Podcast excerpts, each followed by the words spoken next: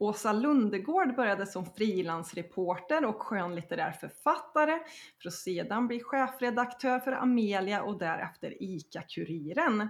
När Amelia Adamo slutade tog hon över M-magasin som vänder sig till kvinnor över 50. Gemensamt för de olika magasinen i Amelia-sfären är att de är livsstilstidningar för kvinnor i olika faser i livet. Och idag är Åsa chefredaktör för Amelia, Tara och M-magasin som alla ingår i Expressen Lifestyle. Sveriges enda utbildning i frilansjournalistik, det är Journalistakademin. Vi har hundratals med studenter som har fått sina artiklar på tryck i landets magasin och tidningar. Är du också nyfiken på det här med frilansjournalistik? Då vill jag att du bokar ett samtal med oss för att prata mer. Du går in på journalistakademin.se boka.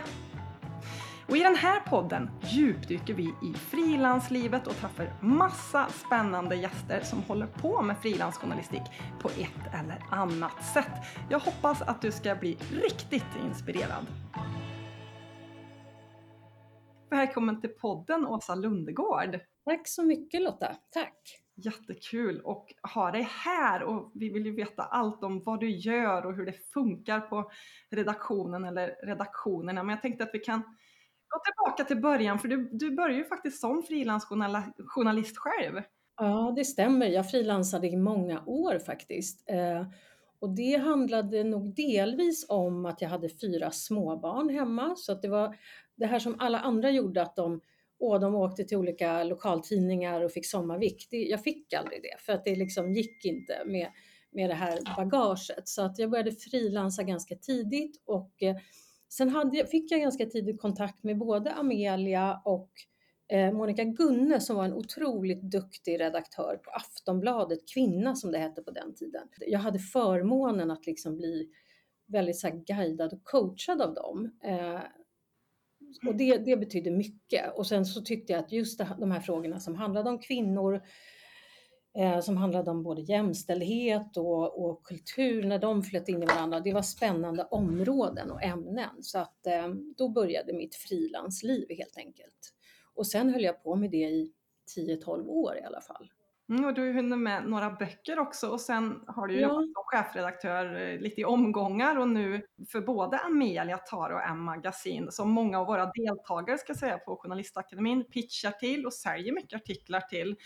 Eh, hur, hur, ser jobbet ut som chefredaktör? Mm, mm. Vi, vi, pratar ju om hur det är nu och det man kan säga under mina år som ju snart är 25, jag kanske till och med 30 år i branschen, så är det ju så mycket som har förändrats och det tror jag man det märks ju av i frilansvärlden, inte minst våra tajtare budgetar, våra slimmade redaktioner och så vidare. Men, men jag, jag tänker mycket på eh, att vara liksom en det är säkert någon som har mejlat mig eller ringt mig och jag inte har svarat och så, men, men att försöka att liksom ändå vara en god part, liksom, som, som, så som arbetsgivare eller som uppdragsgivare. Um, men mitt jobb, det är ju i huvudsak, jag, jag kan säga att jag gör liksom de, det mesta man gör på, en, på ett magasin och sen jobbar vi numera också mycket digitalt så att vi jobbar ju mellan digitala och printpubliceringar. Men eh, jag jobbar med mycket så här utlägg av jobb för, de, för mina avdelningar. Men sen så är det ju mycket så här att titta på omslag och titta på omvärld och följa upplagor och följa annonsaffären och även om man som redaktör inte liksom kan gå ut på annonsmarknaden och påverka den så mycket så har man ju som chefredaktör ändå ett liksom det är viktigt att ha koll på alla delar i affären och se att det går, det går bra trots att print går neråt liksom fortsatt. Men jag känner mig ju väldigt alltså hoppfull och glad så som det är just nu. Jag tycker att det känns som att vårt innehåll eh, är väldigt starkt och viktigt liksom i den här ganska tunga och tuffa världen som vi möts av liksom i, när det gäller nyheter allt från skriver bildtexter till ingresser och ledare. Men, men det jag tror att jag kan vara, liksom nyttan av att ha mig, det är väl den erfarenheten av att, att ha, ha liksom ansvaret för flera större tidningar och man kan se liksom, hur går det, vad behöver vi mer av eller mindre. Men det är ju som sagt var tre magasin för kvinnor i olika faser i livet. Hur håller ni ihop det? Nej, men jag tror, eh, och det tror jag vi, det kommer vi nog in på när vi pratar om det där med idéer också. Jag tror ju jättemycket på att man, man är noga med vem som är läsaren. Eh, och då är det liksom, Tara-läsaren har tonårsbarn, Amelia-läsaren har mindre barn och M-läsaren har börjat få barnbarn. Så att det, det blir ju ett sätt att, sen är ju inte alla alla Emmar är inte lika, alla Tara-läsare är inte likadana och inte heller Amelia-läsarna. Men jag tror att som redaktör behöver man liksom ha en bild av vem är mottagaren här? Och då blir den här det är klart att det finns jobb som vi kan korspublicera i våra olika magasin, men det är inte så hemskt ofta. Eh, och det finns omslagspersoner som, som kan fungera lika bra i Tara som i Amelia och då får man väl liksom resonera om saken var olika personer hör mest hemma. Blir det mycket diskussioner så emellan? Nej, det här ska vara mer Amelia eller det är Tara, eller hur? Ja, alltså det är inte diskussioner så här, jag vill ha um, Alltså oftast så, men det är en del diskussioner, men oftast så löser det sig ganska smidigt. Liksom. Det blir ganska givet. Det handlar ju också om vinkeln, om det är så här, den här Charlotte Perrelli pratar om det här vardagslivet och småbarn. Nu kanske hon inte inte pratar så mycket om det, men, men då är ju det en, ett Amelia-ämne. Medans om det är en känd person som pratar om nu har jag äntligen tid att träna eller åka eller skriva en bok eller så, då kanske det är, det är mer en Tara livsstil där man har tid att börja tänka lite mer på sig själv. Redaktionen då, hur, hur ser den ut? Sitter ni alla tillsammans eller sitter ni för sig? Vi sitter tillsammans. Vi, det som vi gör är att allt vårt innehåll publiceras ju på en och samma sajt och det är amelia.se. Så allt innehåll från M, från Tara, från Amelia och även från Expressen Söndag publiceras på samma sajt. Så det, vi sitter tillsammans och det är bra. Eh, våra redaktioner är ju minimalistiska nu för tiden. När jag började första gången på Amelia så tror jag vi var 15 personer mm. eh, eh plus, 15 personer plus. Och nu är Amelia två personer, Tara är en redaktör och en magasin är en redaktör. Så en till två redaktörer per magasin som har ändå en ganska frekvent utgivning. Så det, därför är ju de här frilansarna superviktiga. Eh, det är ju de viktigaste medarbetarna vi har. Liksom. Ja, för det är ju några, några sidor att fylla som sagt om ni är så få. Va, vad letar ni efter idéer? Artikelidéer? Jag tror att oavsett vad, om det är en nyhetstidning, om det är en specialtidning eller som våra, mina titlar som är väldigt breda lifestyle-tidningar, så tror jag att man letar efter just relevanta idéer för de läsarna.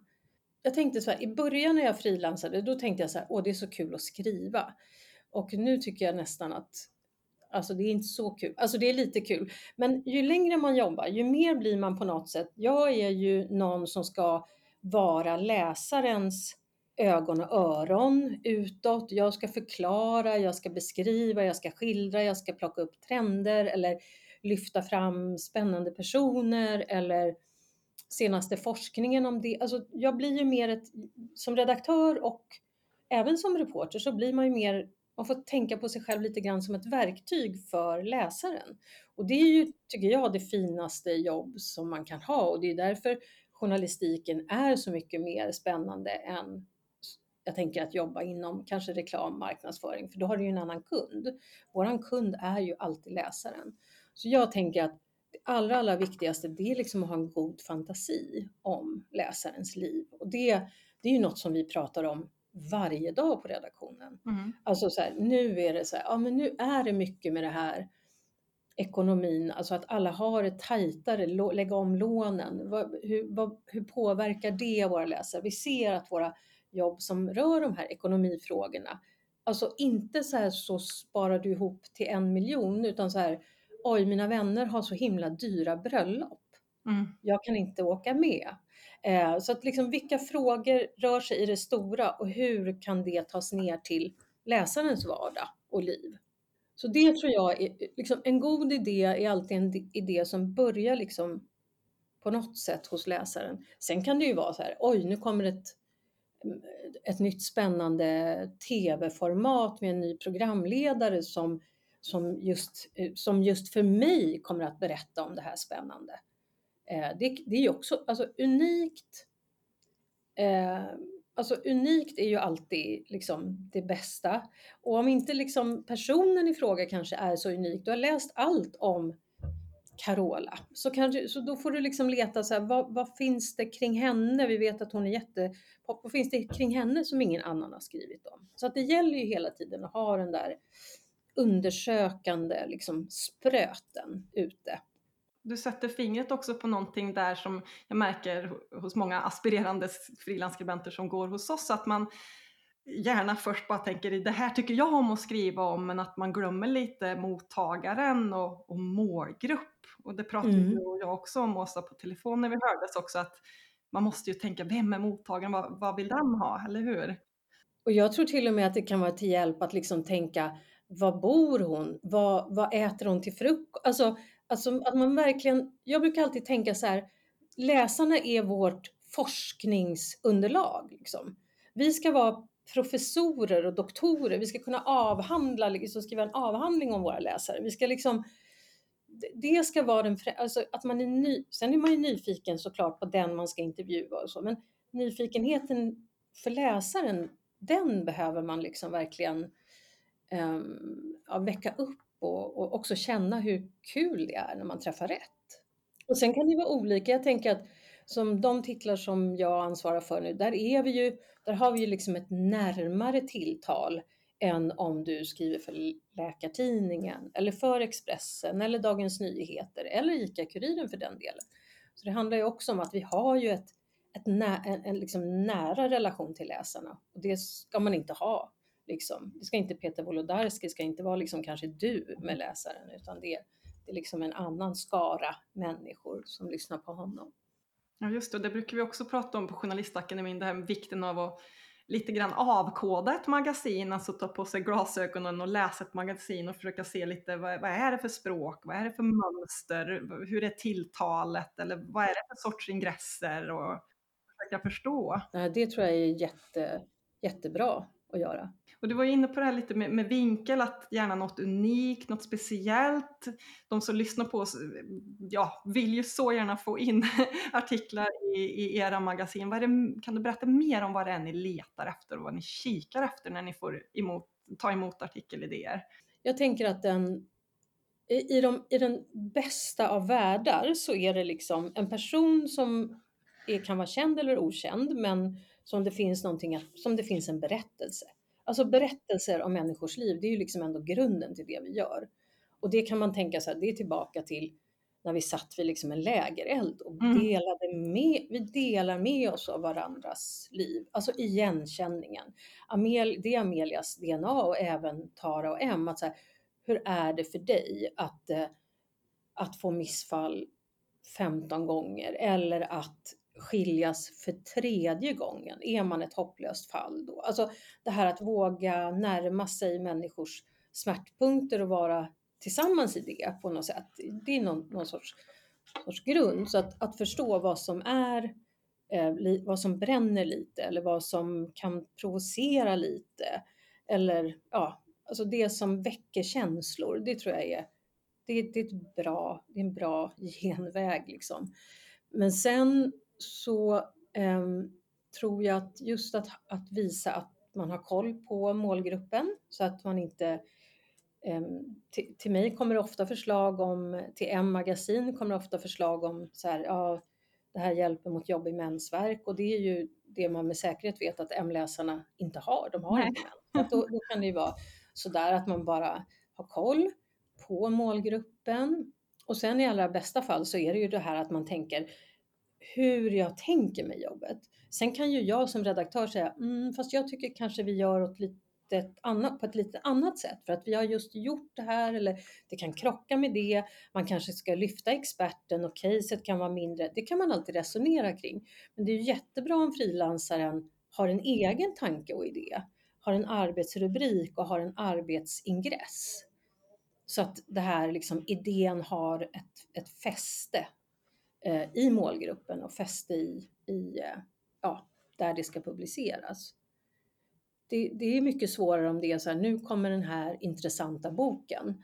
Och det, oftast har ju vi, de sakerna har ju vi alltid koll på vad som kommer för vilka böcker som kommer och nya serier och tv och allt det här har vi ofta, det är ju, hör liksom till vårat så här basen i kostpyramiden, att vi, vi har lite koll.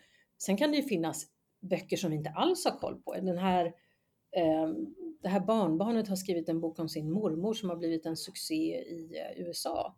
Det, det, hade inte vi koll på. Det kan en frilansare ha så att säga. Så det, vi verkligen inte, vi sitter ju mer i det här mainstream-flödet.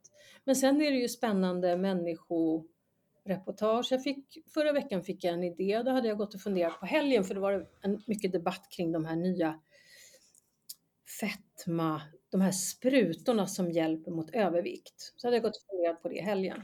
Ja, det har skrivits mycket om att det är diabetesmedicin och diabetikerna får inte sin medicin. Men när man börjar luska i det där och läsa, läsa på lite så ser man att ja, men det här är liksom en ganska, något stort som håller på att hända.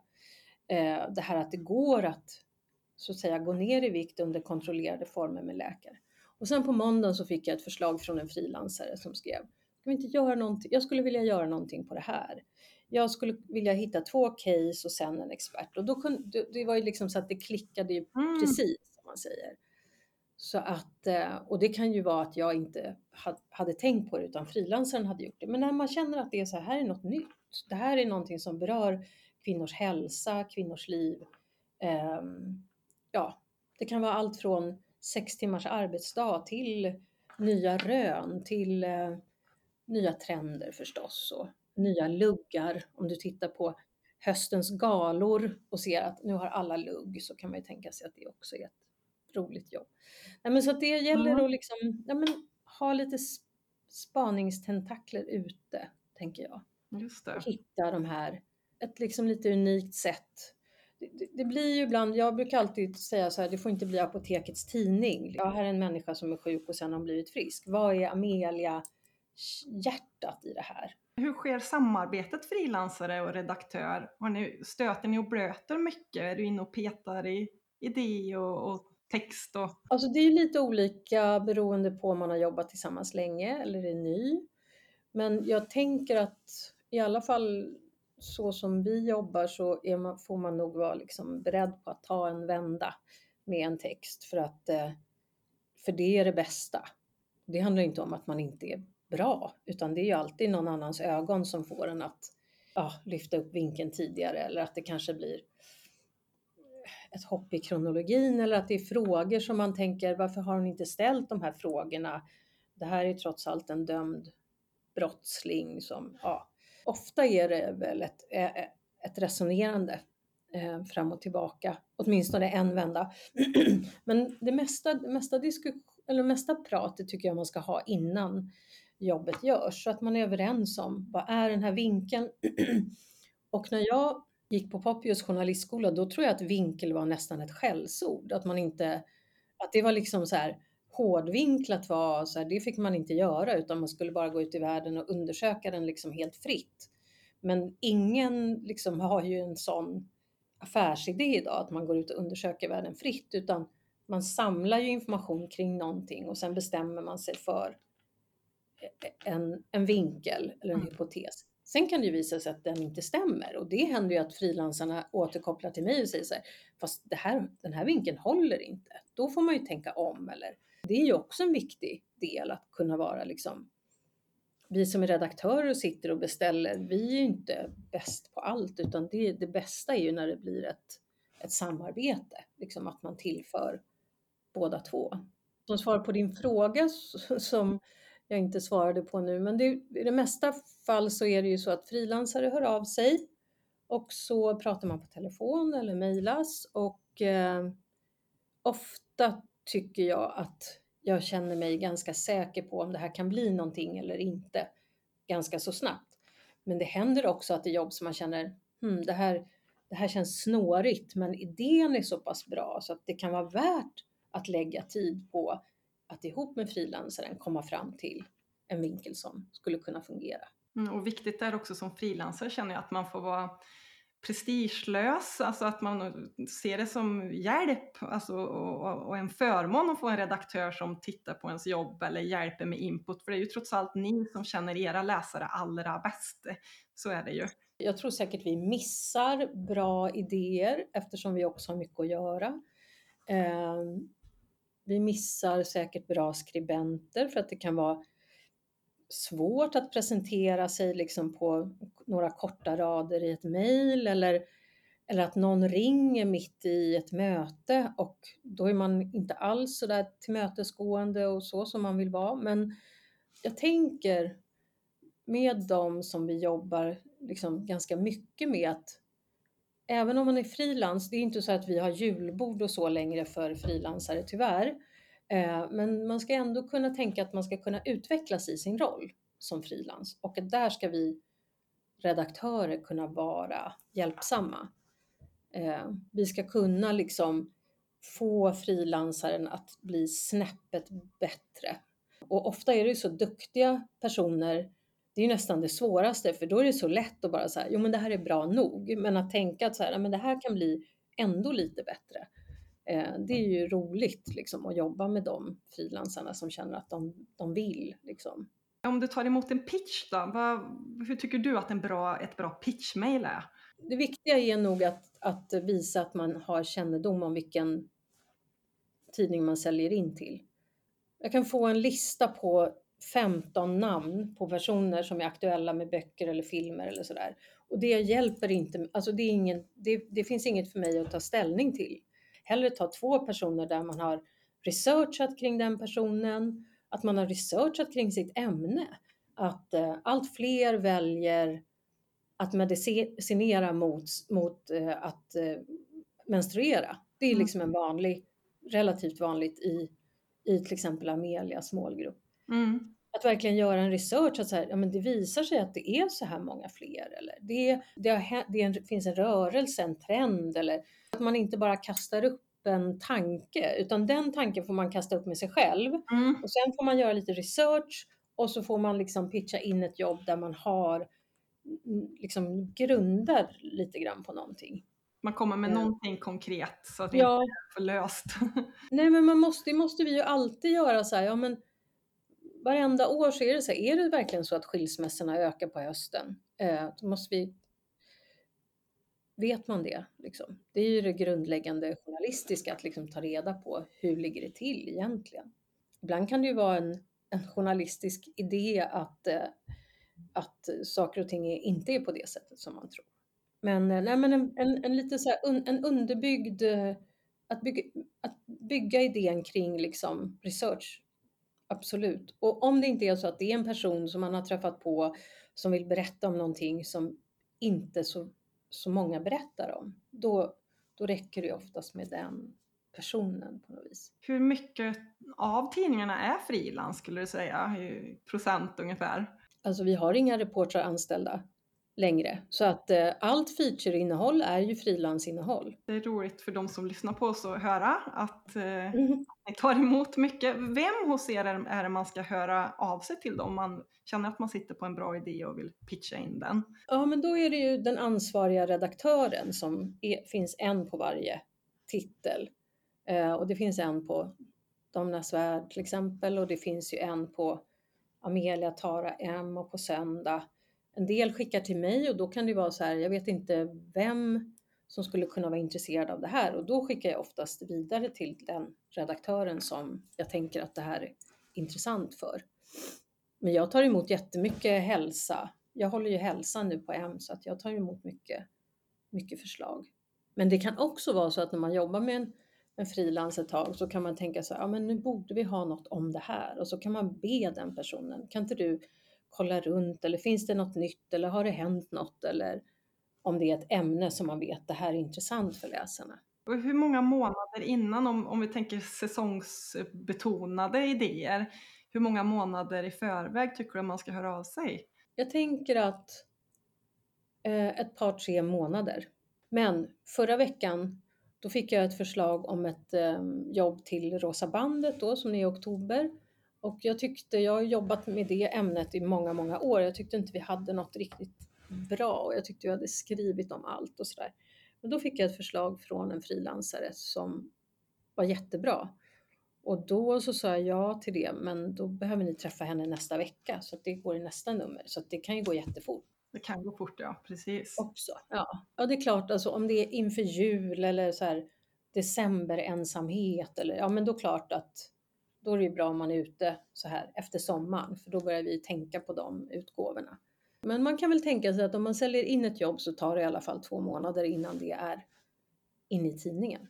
Ja, det finns så mycket att stöta och blöta här Åsa, men jag tänker som avslutande fråga då, vad, vad vill du skicka med för tips till den som vill bli frilansjournalist? Såklart mycket, men om du har något du vill trycka på? Läsa mycket tidningar.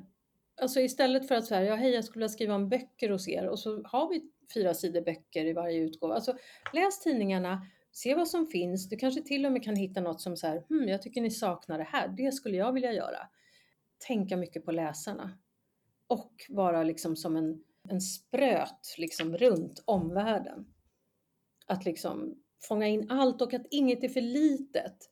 Det tänker jag är så himla, det är så himla mycket nyckeln till det vi gör, att allt det som man har kallat så här, nej men det är typiskt kvinnligt, då är det så litet, men det är inte litet. Det är liksom stort i vardagslivet att ha PMS till exempel, mm. när man vill skilja sig varje månad. Alltså det är stort, det är liksom, hos oss är det är stora saker, det är liksom viktiga saker. Så att det ska man inte heller vara rädd för och tänka att allt måste handla om omskärelser i, i liksom Kongo-Kinshasa, utan det kan vara nog så jäkla jobbigt att inte hitta en rätt gynekolog mm. I Sverige. Det är ett jobb som jag tänkt på. Ska man ha en personlig gynekolog eller inte? Där fick vi ett uppslag. Mm. Bra! Alltså, jätteintressant att få prata med dig Åsa. Tusen tack för att du var med här idag. Det är bara roligt. Som du hör så kan jag tyvärr prata lite för mycket om detta. Men det, det är kul. Det är, ett, det är ett jätteroligt jobb. Så jag tycker man ska liksom inte ge sig om man får nej tre gånger. Då ska man bara vrida på det och vända på det en gång till. Det är bra. Tålamod är ledordet. Tålamod och lust och lust såklart, mycket skrivlust. Du som har lyssnat på oss också, nyfiken på det här med att frilansa, så är du välkommen att boka ett samtal med oss på Journalistakademin. Eh, du går in på journalistakademin.se boka så pratar vi om hur vi kan göra för att du ska komma igång som frilansjournalist. Tack så mycket för idag!